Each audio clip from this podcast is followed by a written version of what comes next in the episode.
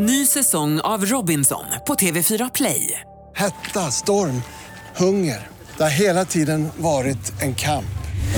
Nu är det blod och tårar. Fan händer just nu. Det. är Detta är inte okej. Robinson 2024, nu fucking kör vi! Streama söndag på TV4 Play.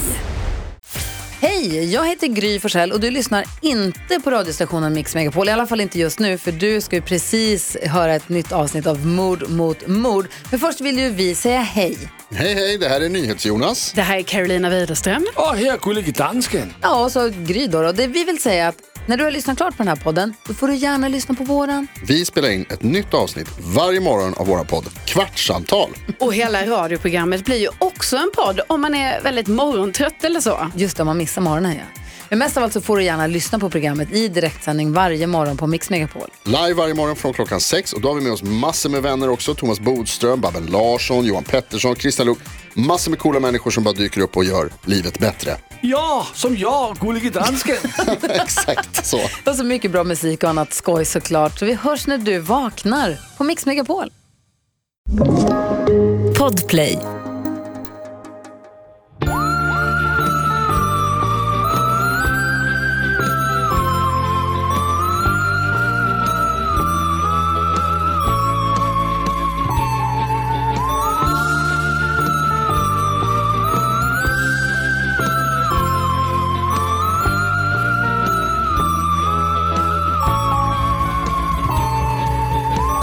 Då säger vi hej och välkomna till Mord mot mord och nedräkningen till vår livepodd i Stockholm har väl börjat på riktigt kan man säga. Karin Londré. Oh! Söndag, nu är det på söndag.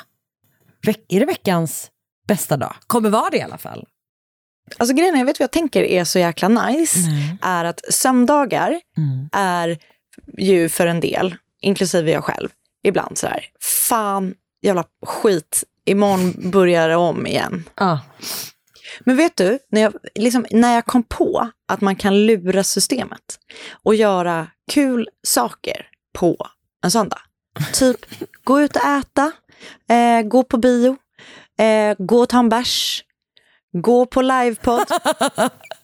Nej, men alltså, och du vet, du kan Ja. kombinera två av de sakerna på Ja, ja. söndag. Gå på livepodd, ta en bärs. Vänta, matiné, Kanske äta middag ute. matiné, middag, livepodd. Hallå? Ja. Nej men verkligen, eh, jag håller ju förstås helt med dig. Det är ju en känsla. Alltså det är det. Ja, jag vet. För förut så tänkte jag bara så söndagar det ska bara vara till för att vara tråkigt. Men det behöver verkligen inte vara det. Det Man kan verkligen vara till för att ha kul. Ja, man behöver inte vrida sig i sina, sin ångest liksom. Nej. Kom och häng med oss och dela den i så fall om du har söndagsångest ändå. Ja, dela kom den med hit oss. med den. Nej, eller inte hit, men dit. Ehm, men, men vet du vad jag också gillar? Två saker som jag kom, har tänkt på i veckan angående det här. Det ena är att jag tycker att det känns så himla mysigt. Eller vet du vad jag hade glömt bort med livepoddarna? Det är det här att det blir ett sånt liksom, true crime-häng. Alltså att lyssnarna, de träffar ju inte bara oss, de träffar ju varandra med. Exakt. Och att det typ är någonting med att vara i ett rum där alla har samma intresse som känns väldigt, som är mysigt. Mm. Det är starkt. Mm. Liksom. Man kommer att ha liksom goa, härliga, bra samtal i Nej, men tänk i toakön. Ja, Nej, men tänk i toakön. Toakön-pausen. Mysigt! Nej, verkligen. Verkligen så. Ehm, och även, men vänta, det var också, vänta vad var det andra jag tänkte på? Det var något mer jag tänkte på. Jo, vet du vad jag också tycker är mysigt med just det här att det är på en söndag? Det är att det är ju ofta, vi spelar ju ofta in söndagar eller måndagar. Så det känns liksom som att vi gör det, liksom bjuder in lyssnarna till så djupt in, så liksom in, i, in i hjärtat av Mord mot mord på något sätt. Eh, det, känns, eh, det känns väldigt mysigt. Så att eh, vi ses väl på, på söndag helt enkelt. Ja, och biljetter hittar du på stauppbolaget.se mord mot mord. Japp. Jag har ju Och som... vi kan ju också Ah, säga ah. att vi kommer ju launcha lite eh, Ny merch. special edition merch. Merch! Ja, alltså vi fick se bilder på det idag. Det ser riktigt nice ut. Jättefint. Alltså det är riktigt, riktigt nice. Ehm, det känns ju jätteskoj tycker jag att ha lite så eh, livepods merch. Ja, kom och säg jag var där. Been there, done that, bought the t-shirt. Alltså verkligen. Eller muggen. Ehm, Ja men bra. Stå på laget på Västern, snart mord mot mord, så ses vi där. Jag har ju ett, eh, ett, ehm, ja, det är ett jävla fall på gång som jag ska göra. Ehm, det, kommer bli, det kommer bli en resa. Det kommer det verkligen bli. Men, eh, och jag kan ju också, nu, jag kan ju också säga att det har jag med. Ja, det har du verkligen. Om vi nu ska hålla på och tävla så här och tuppa oss. Vänta, vi håller inte på att tuppa oss. Anna, vi är i samma Nej, lag. okej. Okej, okej, okej. Jag trodde du tuppade. Nej, det är ju andra Nej. som lyssnar på det här. Det är dem jag Just det. berättar för. Just det. Det är så det funkar. Okej, vi har två jäkla resor. Ja, det har vi. Minst. Minst två. Jag tänkte Eh, också det ska bara- bli väldigt kul. Ja, det kommer bli grymt. Det ska äntligen the reunion av dig och mig och även alla våra lyssnare som kommer. Det kommer bli skitkul. Så vi ses där. Det kommer bli väldigt kul. Ja. Ehm, jag vet vad. Annars då? Eh, nej, men jag vet inte om jag har berättat för dig att jag är på ett hotell. Har jag det? Jo, just det. Om du har. Jag är ju just nu då på ett hotell. Eh, Mm. Jag har varit på spa. Allting Så jäkla känns nice. ju väldigt, väldigt märkligt, får jag ju lov att säga. Mm. Ja, det känns ju jättekonstigt. Ehm, Men härligt. Nej men alltså jätte, jättebra. Eh, det känns liksom, eh, jag tror att, alltså än så länge är det, är det väldigt, väldigt bra. Jag ska, efter vi har, har jobbat, jobbat klart här, så ska jag typ så beställa room service och sen typ kolla på någon skit. Jag gissar att jag kommer däcka väldigt, väldigt liksom, tidigt. Eh, Så jäkla härligt. Idag när jag och Marcus var nere på, eh, för han var här innan, när vi var här nere på spat här, så var det en väldigt lustig gubbe. Och, en, och hans tant som var, eller hans tant, men och en gubbe och en tant helt enkelt, som var med varandra och som också var på spat. Och gubben hade med sig en liten GoPro-kamera typ, som han hade på ett litet stativ, som han dokumenterade liksom den här spa-upplevelsen för dem. Mysigt inte- för dem. Ja, det är inte helt kosher att filma inne på ett badhus. Kanske. Men eh, han filmade verkligen bara dem. Och han gick runt då med den här liksom, och ställde upp den på olika ställen. Du vet att han typ så filmade dem när de, vi fick en sån liten genomgång av produkterna. Eh, vid ett tillfälle så ställde han upp den i en helt mörk bastu. Och försökte filma dem. Och var så här, ja, sy- man syns inte på så mycket. Man bara, nej, det är ju släkt här inne. Men sen sa han en grej till oss som gjorde Marcus, alltså Marcus blir ju sällan kränkt. Men han blev så jävla sur. För att då vände sig den här mannen till oss, gubben till oss och sa så här. Och ni har fått det här i present förstår jag. Va? Du vet, det var som att han inte, alltså, och så först var man bara, var jag bara så nej, Det var nej. sån riktig pretty woman, I got good money to spend in here. Alltså verkligen så. Fast hon, hon inte pratar sån dialekt. Men Alltså, det var lite den var- känslan. Alltså han kunde verkligen inte tänka sig att vi då hade liksom kommit på tanken och typ köpt det här själva. Överhuvudtaget. Men alltså han kanske, vet du, nu, nu ska jag göra det som jag hatar när folk gör. Men han kanske kände att ni skulle bonda över någonting. För ni, han kanske hade fått det i present också. Det hade han inte. De var runt på massa olika spar. De berättade om andra olika spa som de hade varit på. Okej. Så att det var, Han de kanske var hade en mer... spablogg. Vad sa du? Ja, det är det jag funderar på. Ja, det är det jag funderar på. Och jag vill så himla gärna hitta den. Eh, Så jag sa till Markus att vi måste fråga honom, men sen så tappade vi bort honom då i den här stora ilskan som utvecklade sig mot han som inte trodde att vi kunde komma på tanken att gå på spa själva. Och sen när ni fick er blixt att funka in i bastun så sa ni big mistake. Big. Huge. Huge mistake. Exakt så var det. Eh, så att nu ligger jag här och jag, eh, jag hoppas väl att jag ska typ sova jätte, jättegott. Jag känner att jag vilar mig i form för livepodden. Nice. Tänk om man ändå kunde göra det på ett spa. Hej! Nej, jag unnar dig det jättemycket. Jag unnar dig att du ska få sova en hel natt och så vidare och så vidare. Det ska bli nice. Köp pommes frites i room service. Det är fan en dröm. Mm, gott ju. Ja, ja men jag ska, jag ska, jag ska liksom ge mig in i menyn snart. Eh, men... ehm, ja, Själv har jag tänkt att ta söndagen inför podden som en liten pampering session. Mm, vad ska du göra för något? Kanske gå och klippa mig. Vi får se. Du kommer göra en sån fin liksom... Alltså du kommer ha sån Sån uppsättning med blommor i året. baluppsättning. Nej, vet du vad jag tänker att du kommer göra? Du kommer göra en sån fin liksom, alltså blowout. Alltså en sån, eh, du kommer ha Ja, håret fint fast oftast, blåst. oftast när, de, när, du vet, när jag, de gångerna jag går och klipper mig, vilket ju faktiskt inte är så ofta, för jag gör ju typ det bara en gång om året, eh, så säger de så här, ska du göra något kul ikväll? Och det ska jag oftast göra, för att då tänker jag så här, då kan jag vara lite fin i håret. Men då blir det aldrig som jag tänkt mig, utan Nej. jag får alltid, du vet, så här, lockat på ett sätt som jag inte vill ha. Eller Ja. sådana saker. Säg att du inte Eh, ska och göra så något kul, så alltid kommer så det bli väldigt, liksom bara snyggt vardag. Jag hoppas det, för att ofta säger jag så här, men jag vill helst inte få det lockat för jag känner mig liksom aldrig, det blir aldrig särskilt bra. Nej, nej, nej, jag ska inte göra sådana lockar, säger de då. Mm. Och sen gör de alltid sådana lockar. Sådana lockar. Du ser ut som en sån eh, docka liksom. Såna kork, Exakt. såna korkskruvslockar. Ja. Mm, som aldrig släpper. eh, så vi får se. Jag får se om jag vågar. Men jag tänkte i alla fall ta söndagen för mig själv för att ladda upp mentalt. Det gör du helt rätt i. Mm. Det kommer bli grymt. Eh, hur mår du annars då? Jag mår bra. Eh, det har ju varit eh, vårens första dag i helgen. Det har Kan man verkligen verkligen det. Åh, Anna är så glad att du kom ihåg. Mm, jag, vet, jag, alltså jag var på Skansen igår.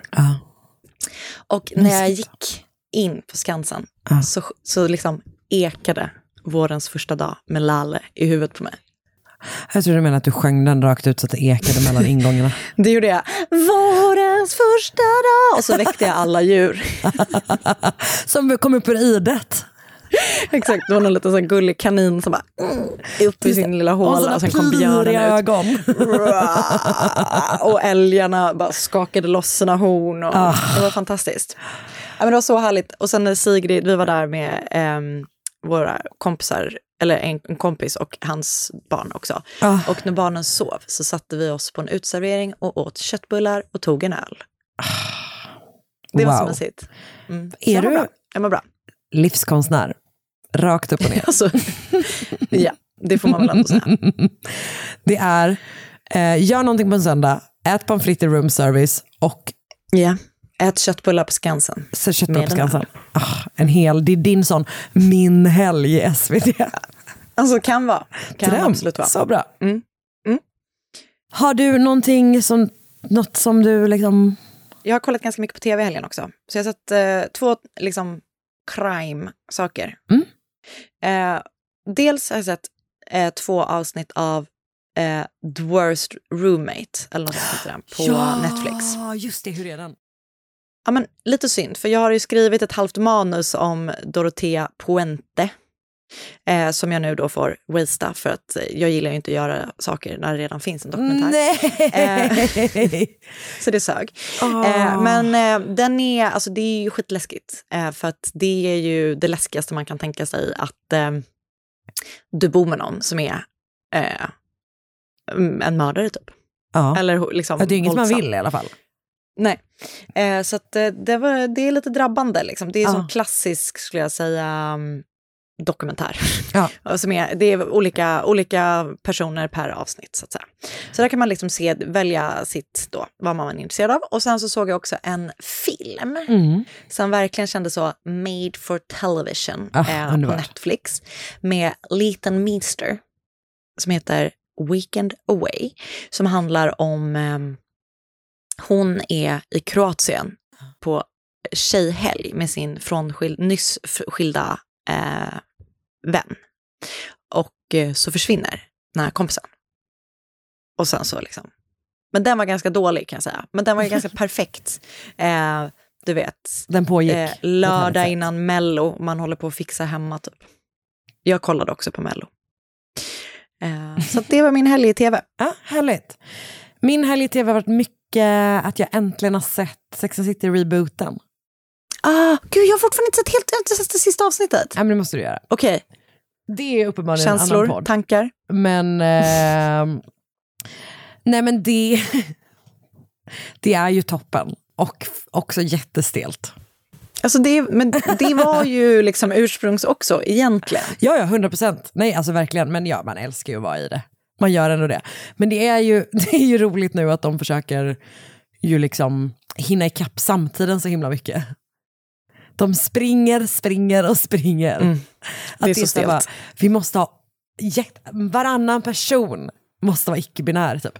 Ehm, och eh, det är uppenbarligen för att de har fått liksom så mycket kritik från, för att den första eh, omgången var så fruktansvärd. Ehm, för att vara typ en progressiv serie så är den ju väldigt icke-progressiv, eller vad man ska säga. Ja. Typ.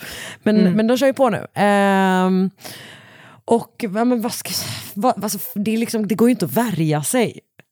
Nej. Först fick jag ju alltså, liksom eksem av stress typ. För att det var så Jag vet. hemskt. Men man det måste, bara, ändå man måste liksom bara ta måste det för vad ut. det är. Man måste härda ut. Men det stelaste som från, mellan oss podcastare, Ja. när de spelar in den här podden, eh, dog. Ja, Det, Ja, det- var så hemskt tycker jag. ja, ja, ja, absolut. Det var det verkligen. Tills Carrie är hög på smärtlindring. Då lossnar det. Ja, det var kul. får vi boosta med även här framöver. det höga Ja, men kul. avsnittet. Nej.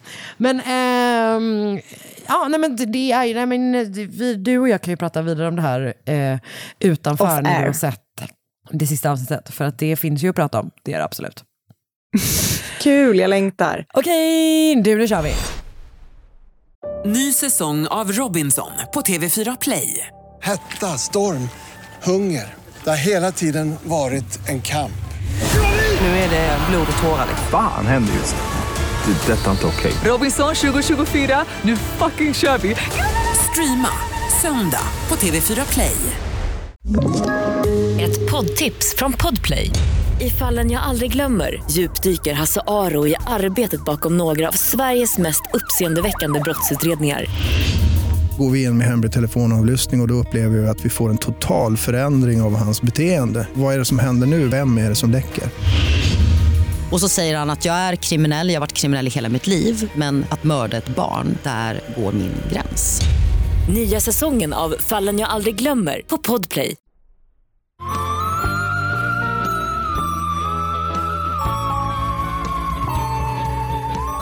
1962 var Margaret Chandler 28 år gammal.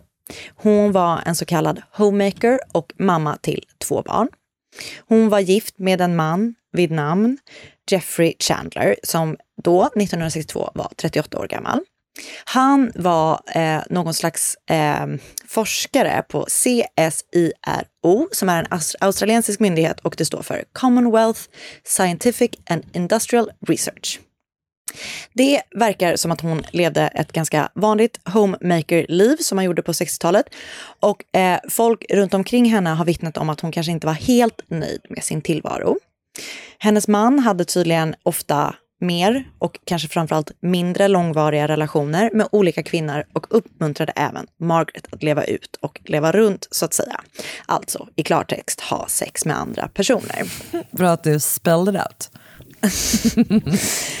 Eh, och det verkar vara någon sån movement eh, liksom i Australien på 60-talet som heter eh, Free Love eller något sånt. Som liksom är eh, typ, ja, lite. Som mardrömmen Du vet, de när är- någon är så här, du vet just när man har massa, man är egentligen otrogen, men så säger man så här, men du får också det. Så som att man bara, Exakt. "Åh, Man bara, nej men jag snälla." vill inte. Nej, nej fast du får det, så därför är det lugnt att jag Mm. gör. Kör hårt, exakt. Eh, Eh, så på nyårsafton då så skulle hon och Jeffrey gå på fest för att fira in det nya året.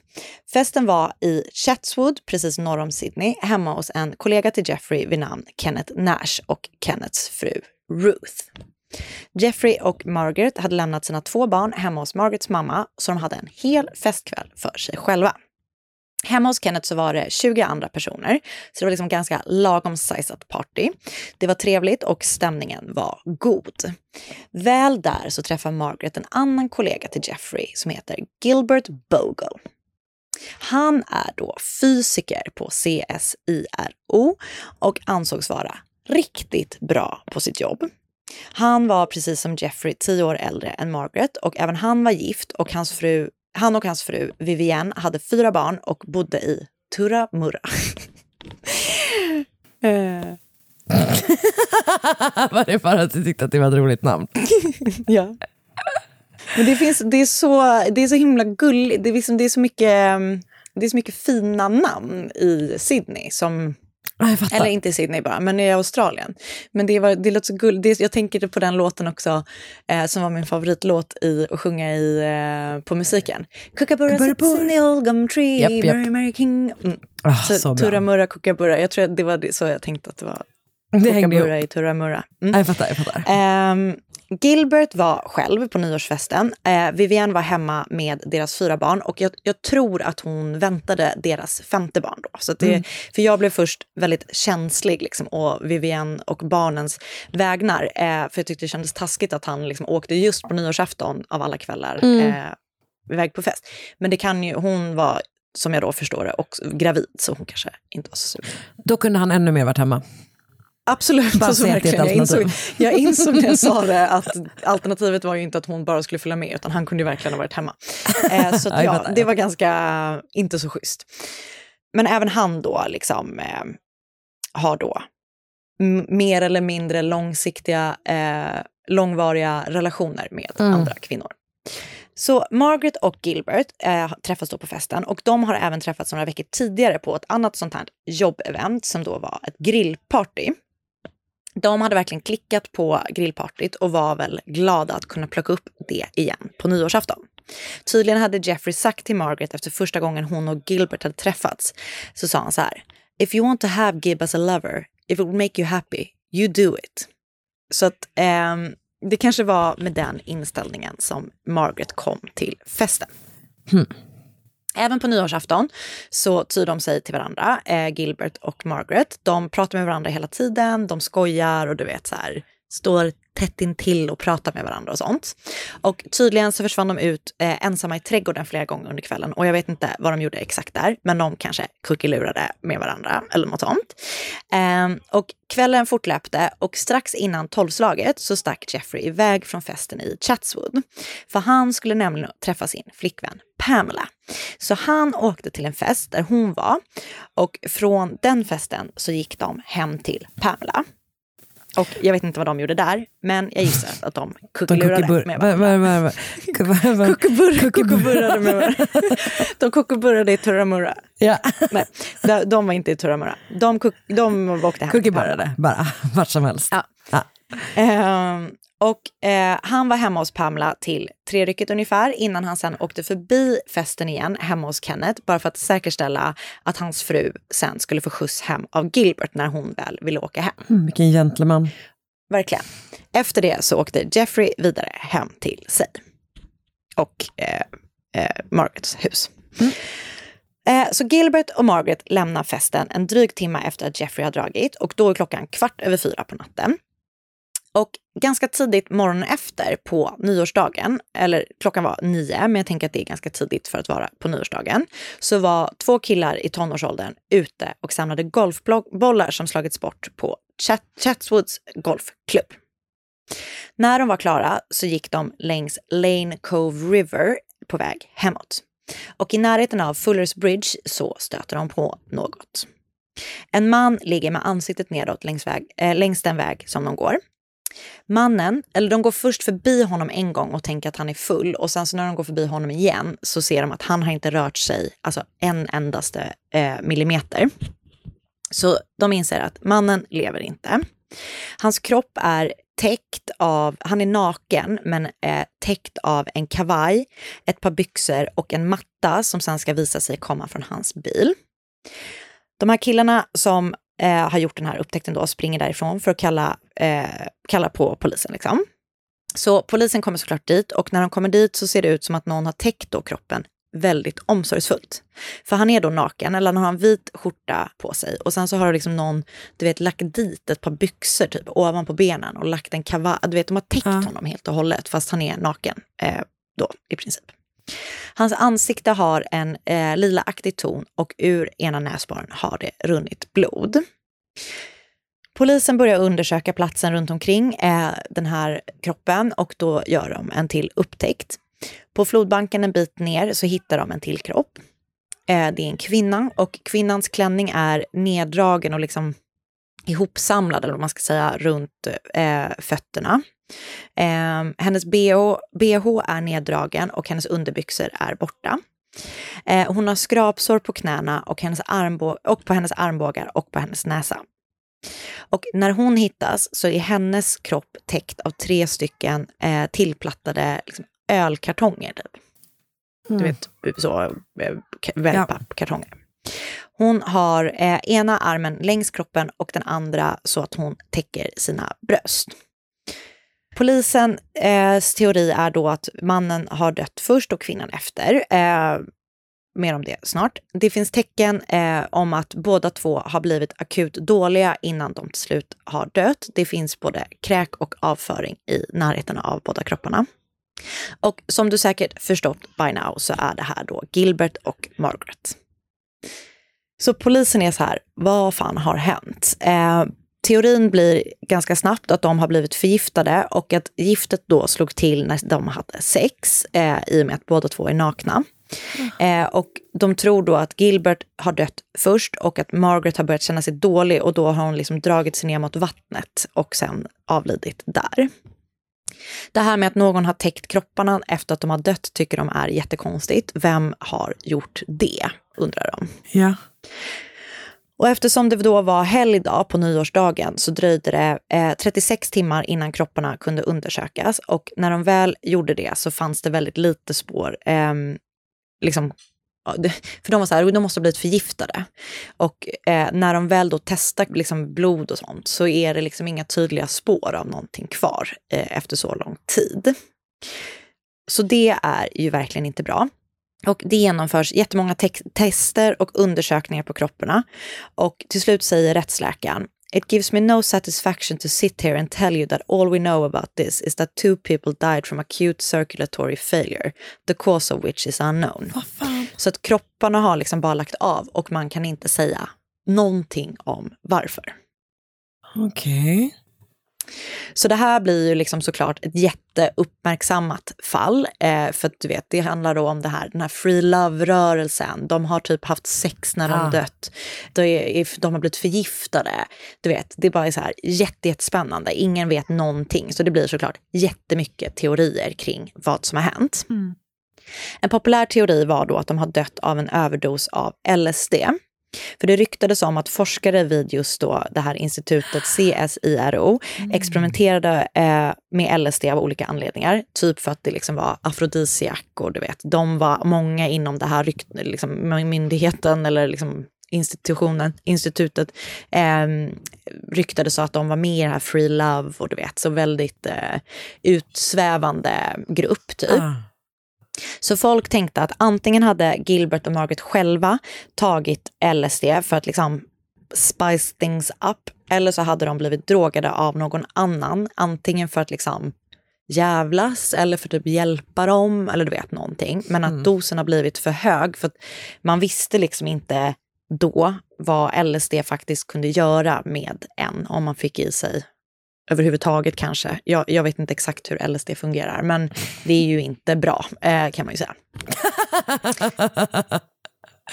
Men och när de dog då så testades ju blodet eh, för LSD och då gav det inga utslag. Men när man senare, igen 30 år senare, skulle testa deras blod så fanns det spår av LSD. Men omöjligt att säga om det liksom var hur höga halterna hade varit då för 30 år sedan typ och Ja. när de dog.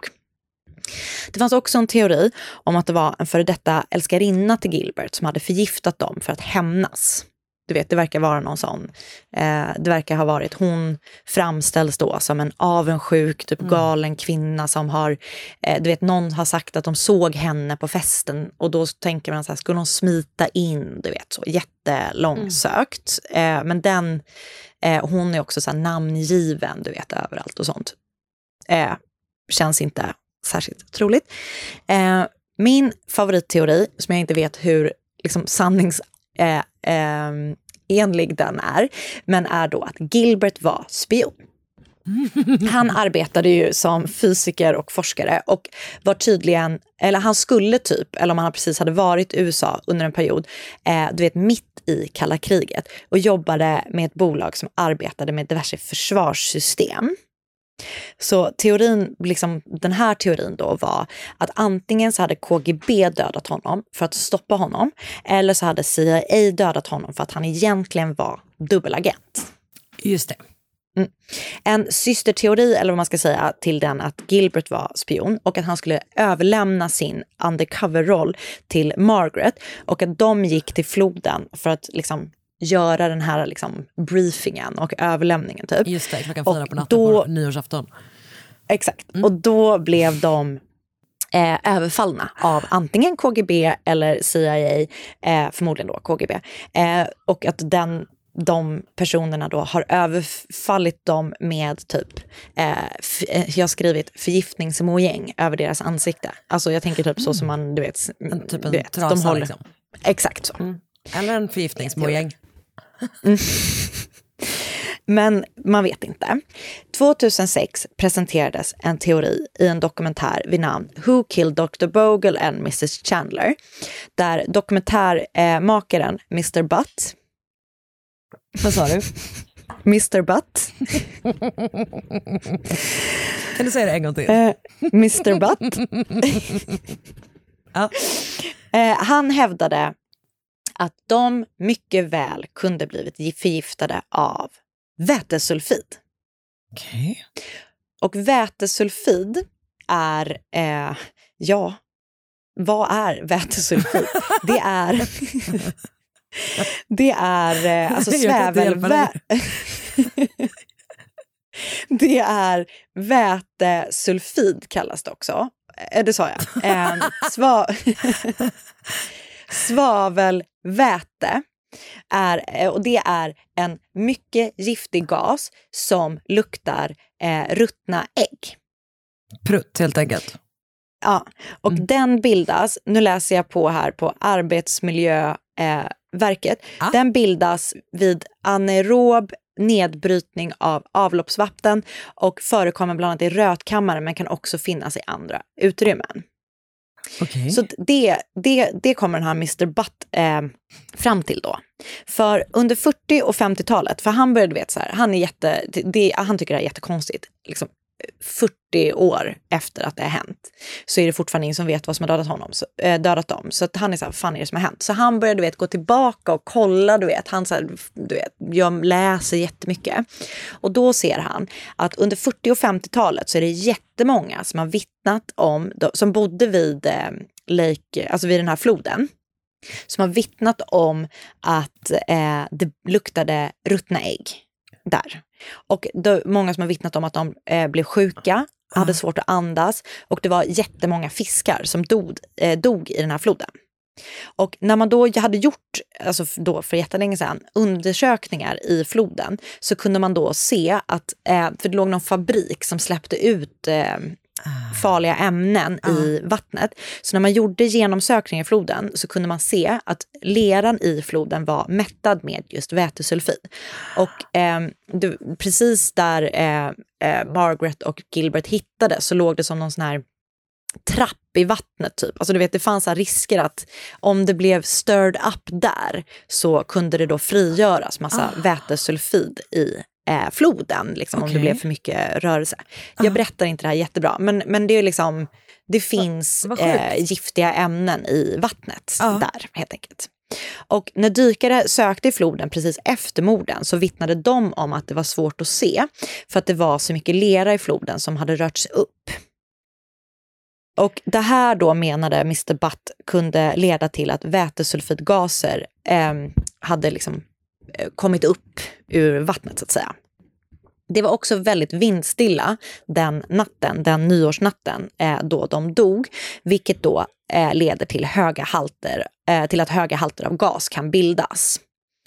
Det är flera eh, olika såna här saker som får honom då att tro att det kan vara det som de har dött av.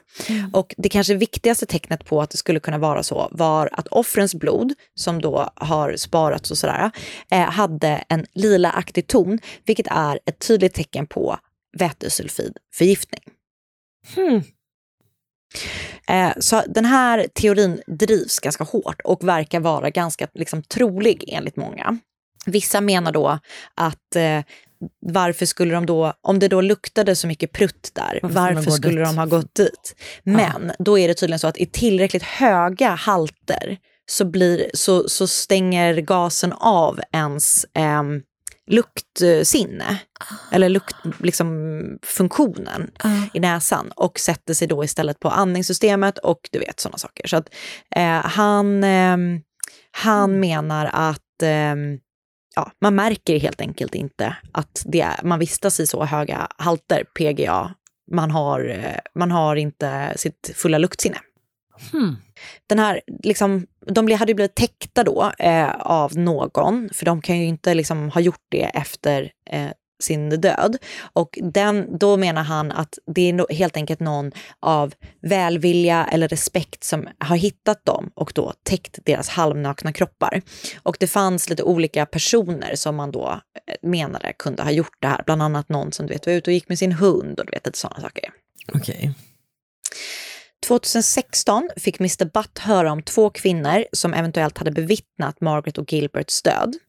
En av de här kvinnorna hade berättat för sin psykolog hur hon och hennes flickvän hade gått i det här området på väg hem från en fest på nyår. Och då hade de först gått där och sen så hade en tappat sin väska så då gick de tillbaka och då så hade de sett när Gilbert och Margaret kom till floden. Eh, och sen har de då börjat ligga med varandra. Och då har de, ja, de har väl tittat helt enkelt, för att det kan man ju tänka sig, de här, de här kvinnorna var liksom Alltså, man Inte har ju för att varit de lite var- såhär, man bara, kolla på dem! Exakt, jag menar, ja, precis. Jag tänker att det är helt normalt beteende. Ehm, och eh, då har de tittat på det här och när liksom bara helt plötsligt har ehm, de kommit av sig, eller man ska säga, när de ligger med varandra. Och ehm, den här kvinnan då berättade för sin psykolog hur de hade sett hur mannen liksom blev helt stilla. Och hur kvinnan hade varit för så, vad håller du på med? Och typ försökt få igång honom igen, eller man ska säga. Innan hon tagit sig runt halsen och gått ner mot vattnet. Och där då hon sen hade dött. Ingen av de här två kvinnorna som bevittnat det här vågade kliva fram eftersom de inte ville att någon skulle veta att de två var där själva ute på natten. Eh, de var i en relation eh, som ingen av deras familjer visste om och den ena kvinnan hade liksom en väldigt strikt katolsk familj. Så av den anledningen så va- valde de liksom att eh, ja, hålla tyst om det helt enkelt. Inte, den här, eh, inte heller den här kvinnans psykolog sa någonting förrän han årtionden senare hörde om Mr. Butts teori. Och eh, Mr. Butt och eh, hans gäng meddelade det här polis, till polisen och polisen gick ut med en efterlysning efter de här två kvinnorna. Eh, utan framgång som jag förstår det. Hmm. Så än idag så tror jag inte, man vet inte exakt vad som hände, men det verkar vara en ganska accepterad teori att de dog av vätesulfidgaserna i floden. Men det är inte så att, alltså finns det någon, eller de kanske var på så pass långt avstånd då, alltså de här två eventuella Ja. vittnena liksom? Jag tänkte också på det, varför dog inte de? Ja, varför känner, Eh, åtminstone liksom, känner de av det? Eller så här? Nej, det framgår inte. Hmm. Så jag vet inte, och jag vet, alltså, Jävlar vad sjukt. ja, nej jag vet. Den är, ju. mm, igen då, en, eh, en, ett ofärdigt fall. Det är ett, ja, men ett, alltså väldigt, väldigt intressant. Eller Ett hur? sånt mysterium. Och jag tänker på hon Vivienne som var gravid hemma där med deras barn och sånt där. Men också, Mm. Vad oväntat att Mr. Butt kommer den här pruttgasteorin. Ja, verkligen. Karin. Förlåt. Det var kul. Jag gillar det. Jag gillar det. Jag gillar det. Okej, bra. Du, tack Eh, så jättemycket. Det var askonstigt ju. Eller hur? Jag har läst en artikel som heter Sex, Drugs and a Murder Mystery på Sydney Morning Herald av Frank Walker. Jag har sett en superkort eh, docu på Youtube som heter The Bogle Chandler Mystery gjord av The Twist, ABC. Two women may hold the answer to how Dr. Gilbert and Margaret Chandler died in 1963 på ABC News, skriven av, skriven av Tracy Bowden. New twist in Gilbert, and Bogle, Gilbert Bogle and Margaret Chandler murder mystery på Sydney Morning Herald skriven av Damien Murphy. Och så har jag lyssnat på en podd som heter Best Served Cold. Avsnittet heter The Boys on the Tracks and Bogle and Chandler. Uff. Och då så läste jag ju på här på Arbetsmiljöverket. Just det, gud ja. Icke att förglömma. Mm. Ja. Tack! Tack! Ny säsong av Robinson på TV4 Play. Hetta, storm, hunger. Det har hela tiden varit en kamp. Nu är det blod och tårar. Fan händer just det. Det är detta inte okej. Robinson 2024, nu fucking kör vi! Streama söndag på TV4 Play. Ett poddtips från Podplay. I podden Något Kaiko garanterar östgötarna Brutti och jag, Davva, dig en stor dos skratt. Där följer jag pladask för köttätandet igen. Man är lite som en jävla vampyr. Man har fått lite blodsmak och då måste man ha mer. Udda spaningar, fängslande anekdoter och en och annan arg rant. Jag måste ha mitt kaffe på morgonen för annars är jag ingen trevlig människa. Då är du ingen trevlig människa, punkt. Något Kaiko, hör du på Podplay. Därför är gardinerna.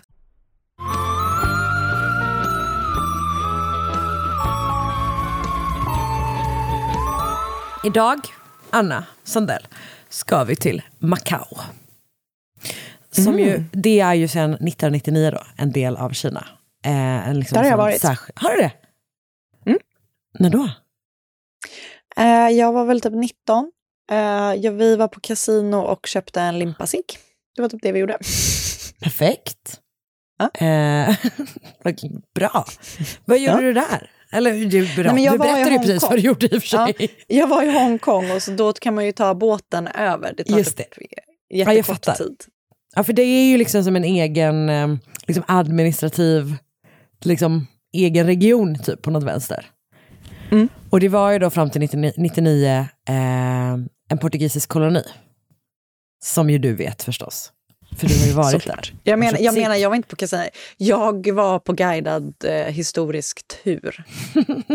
på kasinot. Exakt. Okej, så. ehm, ja, så där är vi i alla Förlåt, fall. fortsätt. Och, nej, nej, gud, det var eh, bra. Eh, Ja, jättebra. Eh, och spännande var... Inte, jag, vill, jag vill höra mer om det. Vilket liv jag har levt. Ja, men det, har, det har det ju faktiskt. Ibland kommer man på det. Jag vet vad det konstigaste som jag kommer på ibland är? Det är att du har bott i New York. Ja, just det. Det är så coolt. Den lilla parentesen. Vad fräck du är egentligen, när man tänker på ja. det. Tänk, tänk vilken kompis du har. Ja, men det, det vet jag. Eh, Okej, men så den 8 augusti 1985 så badar en turist på en strand i Koloane, kanske, som ligger i Macao. Eh, När personen då hittar vad ser ut som åtta mänskliga kroppsdelar. Nej. Och den här personen gör det man bör göra, det vill säga tillkallar polisen. Och det eh, blir inte första gången som de kommer behöva rycka ut till det här området av samma anledning. För de kommande dagarna spolas ytterligare tre kroppsdelar i land. Polisen kan konstatera att kroppsdelarna kommer från minst fyra olika människor. Och de tror till en början att det kan röra sig om antingen smugglare eller eh, migranter vars båt liksom kapsejsat och som sedan har utsatts Mhm. för en hajattack. Men när de då studerar liksom kanterna, eller vad man ska säga, på kroppsdelarna så kan de konstatera att det här har ingen haj gjort. Utan det är liksom gjorts, det, det har, de har liksom skurits isär med typ ett vasst instrument på något sätt. Liksom. Så efter rätt lång tid, det är ganska oklart hur lång tid, men det verkar... Nej, nej, nej, det är minst fyra personer. Ja, för minst fyra olika människor liksom. Ehm, och det går en tid och det är lite oklart hur lång tid, men jag tror det skulle kunna vara månader om man liksom följer tidslinjen i stort. Men efter ett tag i alla fall så blir polisen som utreder fallet varse om en saknadanmälan som kommit in och som gäller en hel familj. Det är familjen Cheng som driver restaurangen Eight Immortals. ehm, som tillhör ett hotell som har liksom samma namn. Så det är så Eight Immortals Restaurant och Eight Immortals Hotel. Eh, eller det är då vad det beskrivs, vad det heter i engelskspråkiga källor. Och de har inte setts till sedan fyra dagar innan de första kroppsdelarna hittades. Alltså den 4 augusti 1985. Och snart kan då polisen konstatera att det är den här familjen som har hittats. Och de från familjen Cheng som rapporterades saknade var pappa Cheng Lin, hans fru Chen, deras fyra barn, döttrarna Bao Kyong, Bao Hong, Bo Wen och Baoa och sonen Guande. Och dessutom så var Chens mamma borta och Cheng Lins syster och en av Cheng Lins kusi- kusiner. Det är alltså tio personer. Shit. Och samtliga tio arbetade på då, eller inte de minsta barnen, för den yngsta sonen är, sonen är bara sju år, så de är liksom mindre. Liksom. Men de som, som jobbar, jobbar allihopa på den här restaurangen som ägdes just av pappan Cheng Lin. Och han hade tidigare haft någon slags streetfood-stånd på typ en marknad, men eh, lyckats spara ihop och låna pengar nog för att köpa den här restaurangen, då 80 Mortals. Och sedan dess har han liksom drivit den tillsammans med sina familjemedlemmar. Och det var liksom en ganska så här enkel restaurang, eh, restaurang, men det gick bra. Familjen var så omtyckt av sina grannar, de tjänade bra med pengar. Jag tror att de bodde, jag vet inte om alla bodde där, men några av dem verkar i alla fall ha bott i liksom en lägenhet ovanför restaurangen. Och de andra bodde också jätten liksom nära typ. Ehm, så att det, liksom, det går bra för den här familjen. Ehm, Men oavsett hur mycket pengar de drar in så behöver de alltid mer. Eftersom både Linn och Chen hade spelproblem, pro, mm, hade spelproblem. Och de spelade bort massor av pengar på Mahjong. Var det vad du spelade på kasinot? Jag spelade enarmad bandit, tyvärr, bara. Okej, det kanske de Vann också gjorde. Alltså jag tror att de spelar, de spelar liksom olika saker. Men, men Mahjong verkar liksom vara eh, det huvudsakliga då. Ja.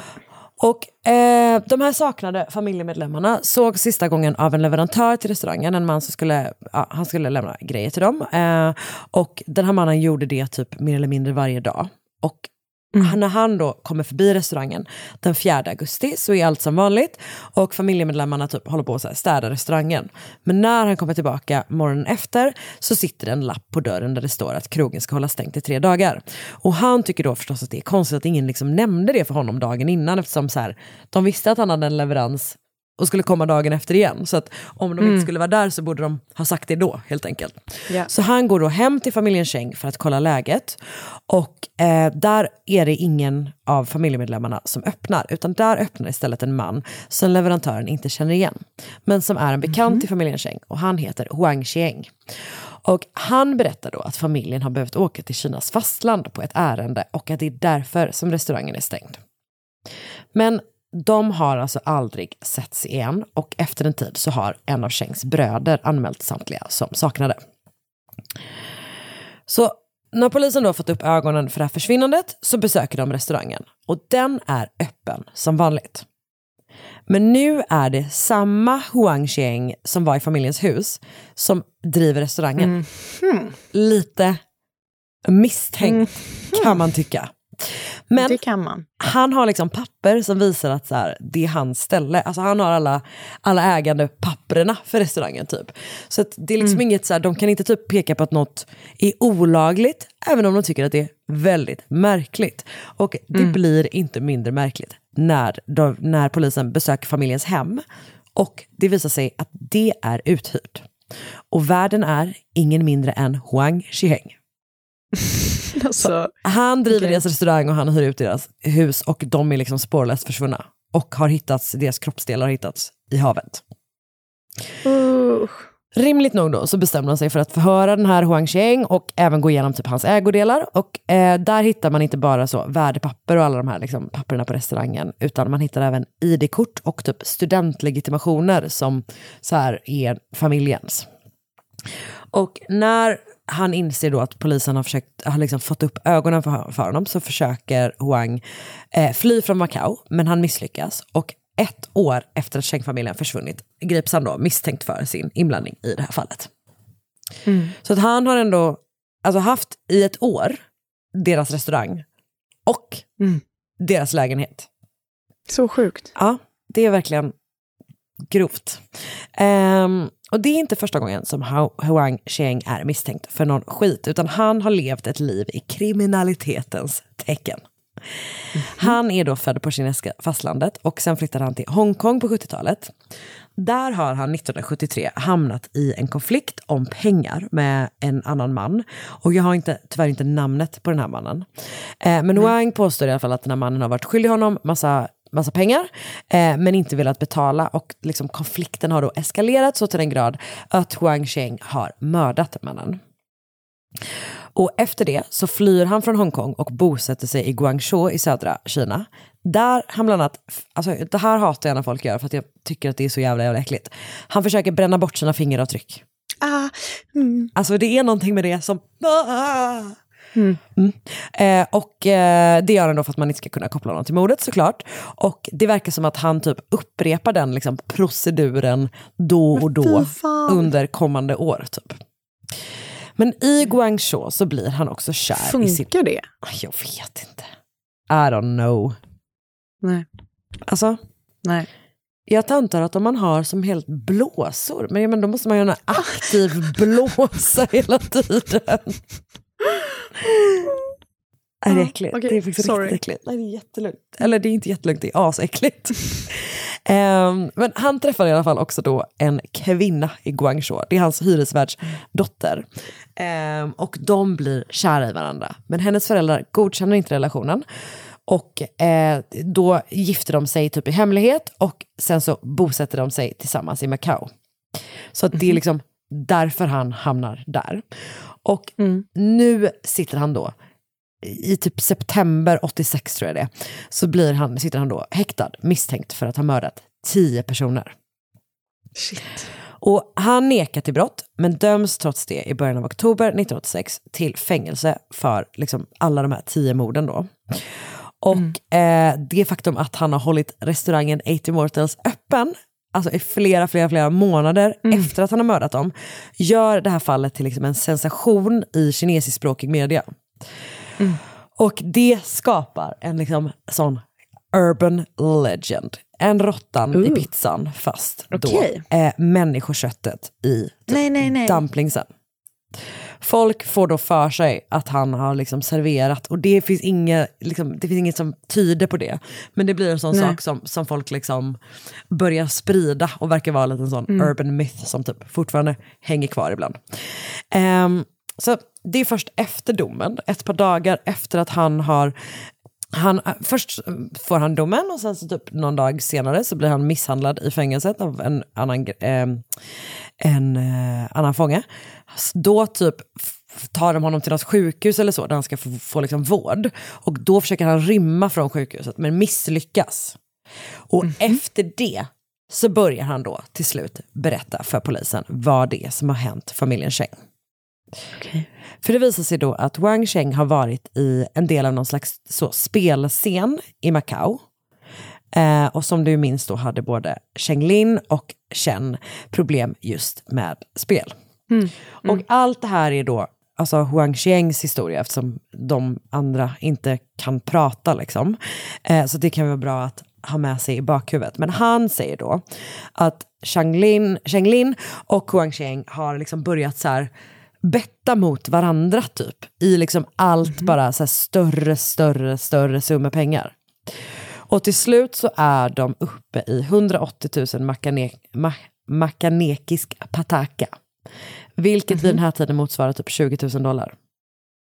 Och det är Cheng Lin som förlorar. Så han har då liksom en så här, alltså ja han äger ju en business men den är ju liksom, det är en enkel familjerestaurang typ. Det är ju inte det att han sitter på en massa, massa, massa deg liksom. Och nu har han då en gigantisk skuld och absolut inte pengarna att betala tillbaka det liksom på ett bräde typ. Så därför kommer de, återigen, enligt Wang Sheng, överens om att familjen Cheng ska betala av på skulden under ett års tid. Och om de inte betalar tillbaka skulden efter det året så ska han få ta över restaurangen 80 Mortals. Och till en början så betalar de liksom av på sin skuld som typ bestämt, men eh, det går inte tillräckligt snabbt och efter ett tag så slutar de betala helt och hållet. Och Huang påstår då att de också typ fortsätter bett, liksom bett med honom, så att skulden liksom ökar typ. Så Jaha. han påstår att i augusti 1985 så uppgår skulden till 600 000 pataka eller 75 000 dollar. Jäklar. Så liksom hur jävla mycket pengar som helst. Så familjen Chen är liksom, håller på att typ så här, stänga restaurangen när han dyker upp på kvällen den 4 augusti 1985. Och då börjar han typ med att så här, kräva en, en del av pengarna. Alltså det är fortfarande en jättestor summa liksom, men inte allihopa typ. Eh, men han, alltså Cheng Lin säger så här, men jag, jag har inte de pengarna, jag, typ, jag kan inte betala, betala det nu. Eh, så kräver då Huang Cheng att få liksom, ta över restaurangen. Men Cheng Lin säger emot honom och då blir Huang rasande. Och precis som i Hongkong så blir han då liksom våldsam när den här situationen eskalerar. Så det som händer är att han slår sönder en ölflaska och hotar familjemedlemmarna med liksom flaskan. Och sen tar han den då sjuåriga sonen Guande som gisslan typ. Och Nej. hotar liksom att använda flaskan på honom. Och får då, alltså med hjälp av det hotet så får han liksom familjemedlemmarna att binda och sätta munkavel på varandra typ. Men, ah, nej det är så jävla så upphagligt sent typ. Och när då han liksom, alla är typ bundna och är så tillsammans, men han, eh, det är någon av dem som liksom tar sig fri och typ börjar skrika på hjälp liksom. Och då attackerar Huang henne och hugger flaskan i hennes nacke. Och efter det så verkar det som att han liksom helt enkelt börjar så här systematiskt mörda familjemedlemmarna en efter en. Antingen då med hjälp av den här flaskan eller genom strypning. Alltså det är så hemskt. För man, det, de är så många och det är liksom inte... Är det så Nej. fruktansvärt hemskt. Sånt- Verkligen. Ja. Ehm, och när han då liksom, när han har mördat allihopa så inser han att, eh, eller han har mördat nio stycken, när han inser då att ehm, eh, en av de som brukar jobba på restaurangen, det är Cheng Lins syster, som jag tyvärr inte har na- hittat namn på, eh, att hon inte är där och att hon typ kan bli ett problem, typ att hon snabbt kommer upptäcka vad som, att de alla är borta typ eller så. Eh, Så att hon verkar som att hon också bor åtminstone i närheten av den här restaurangen.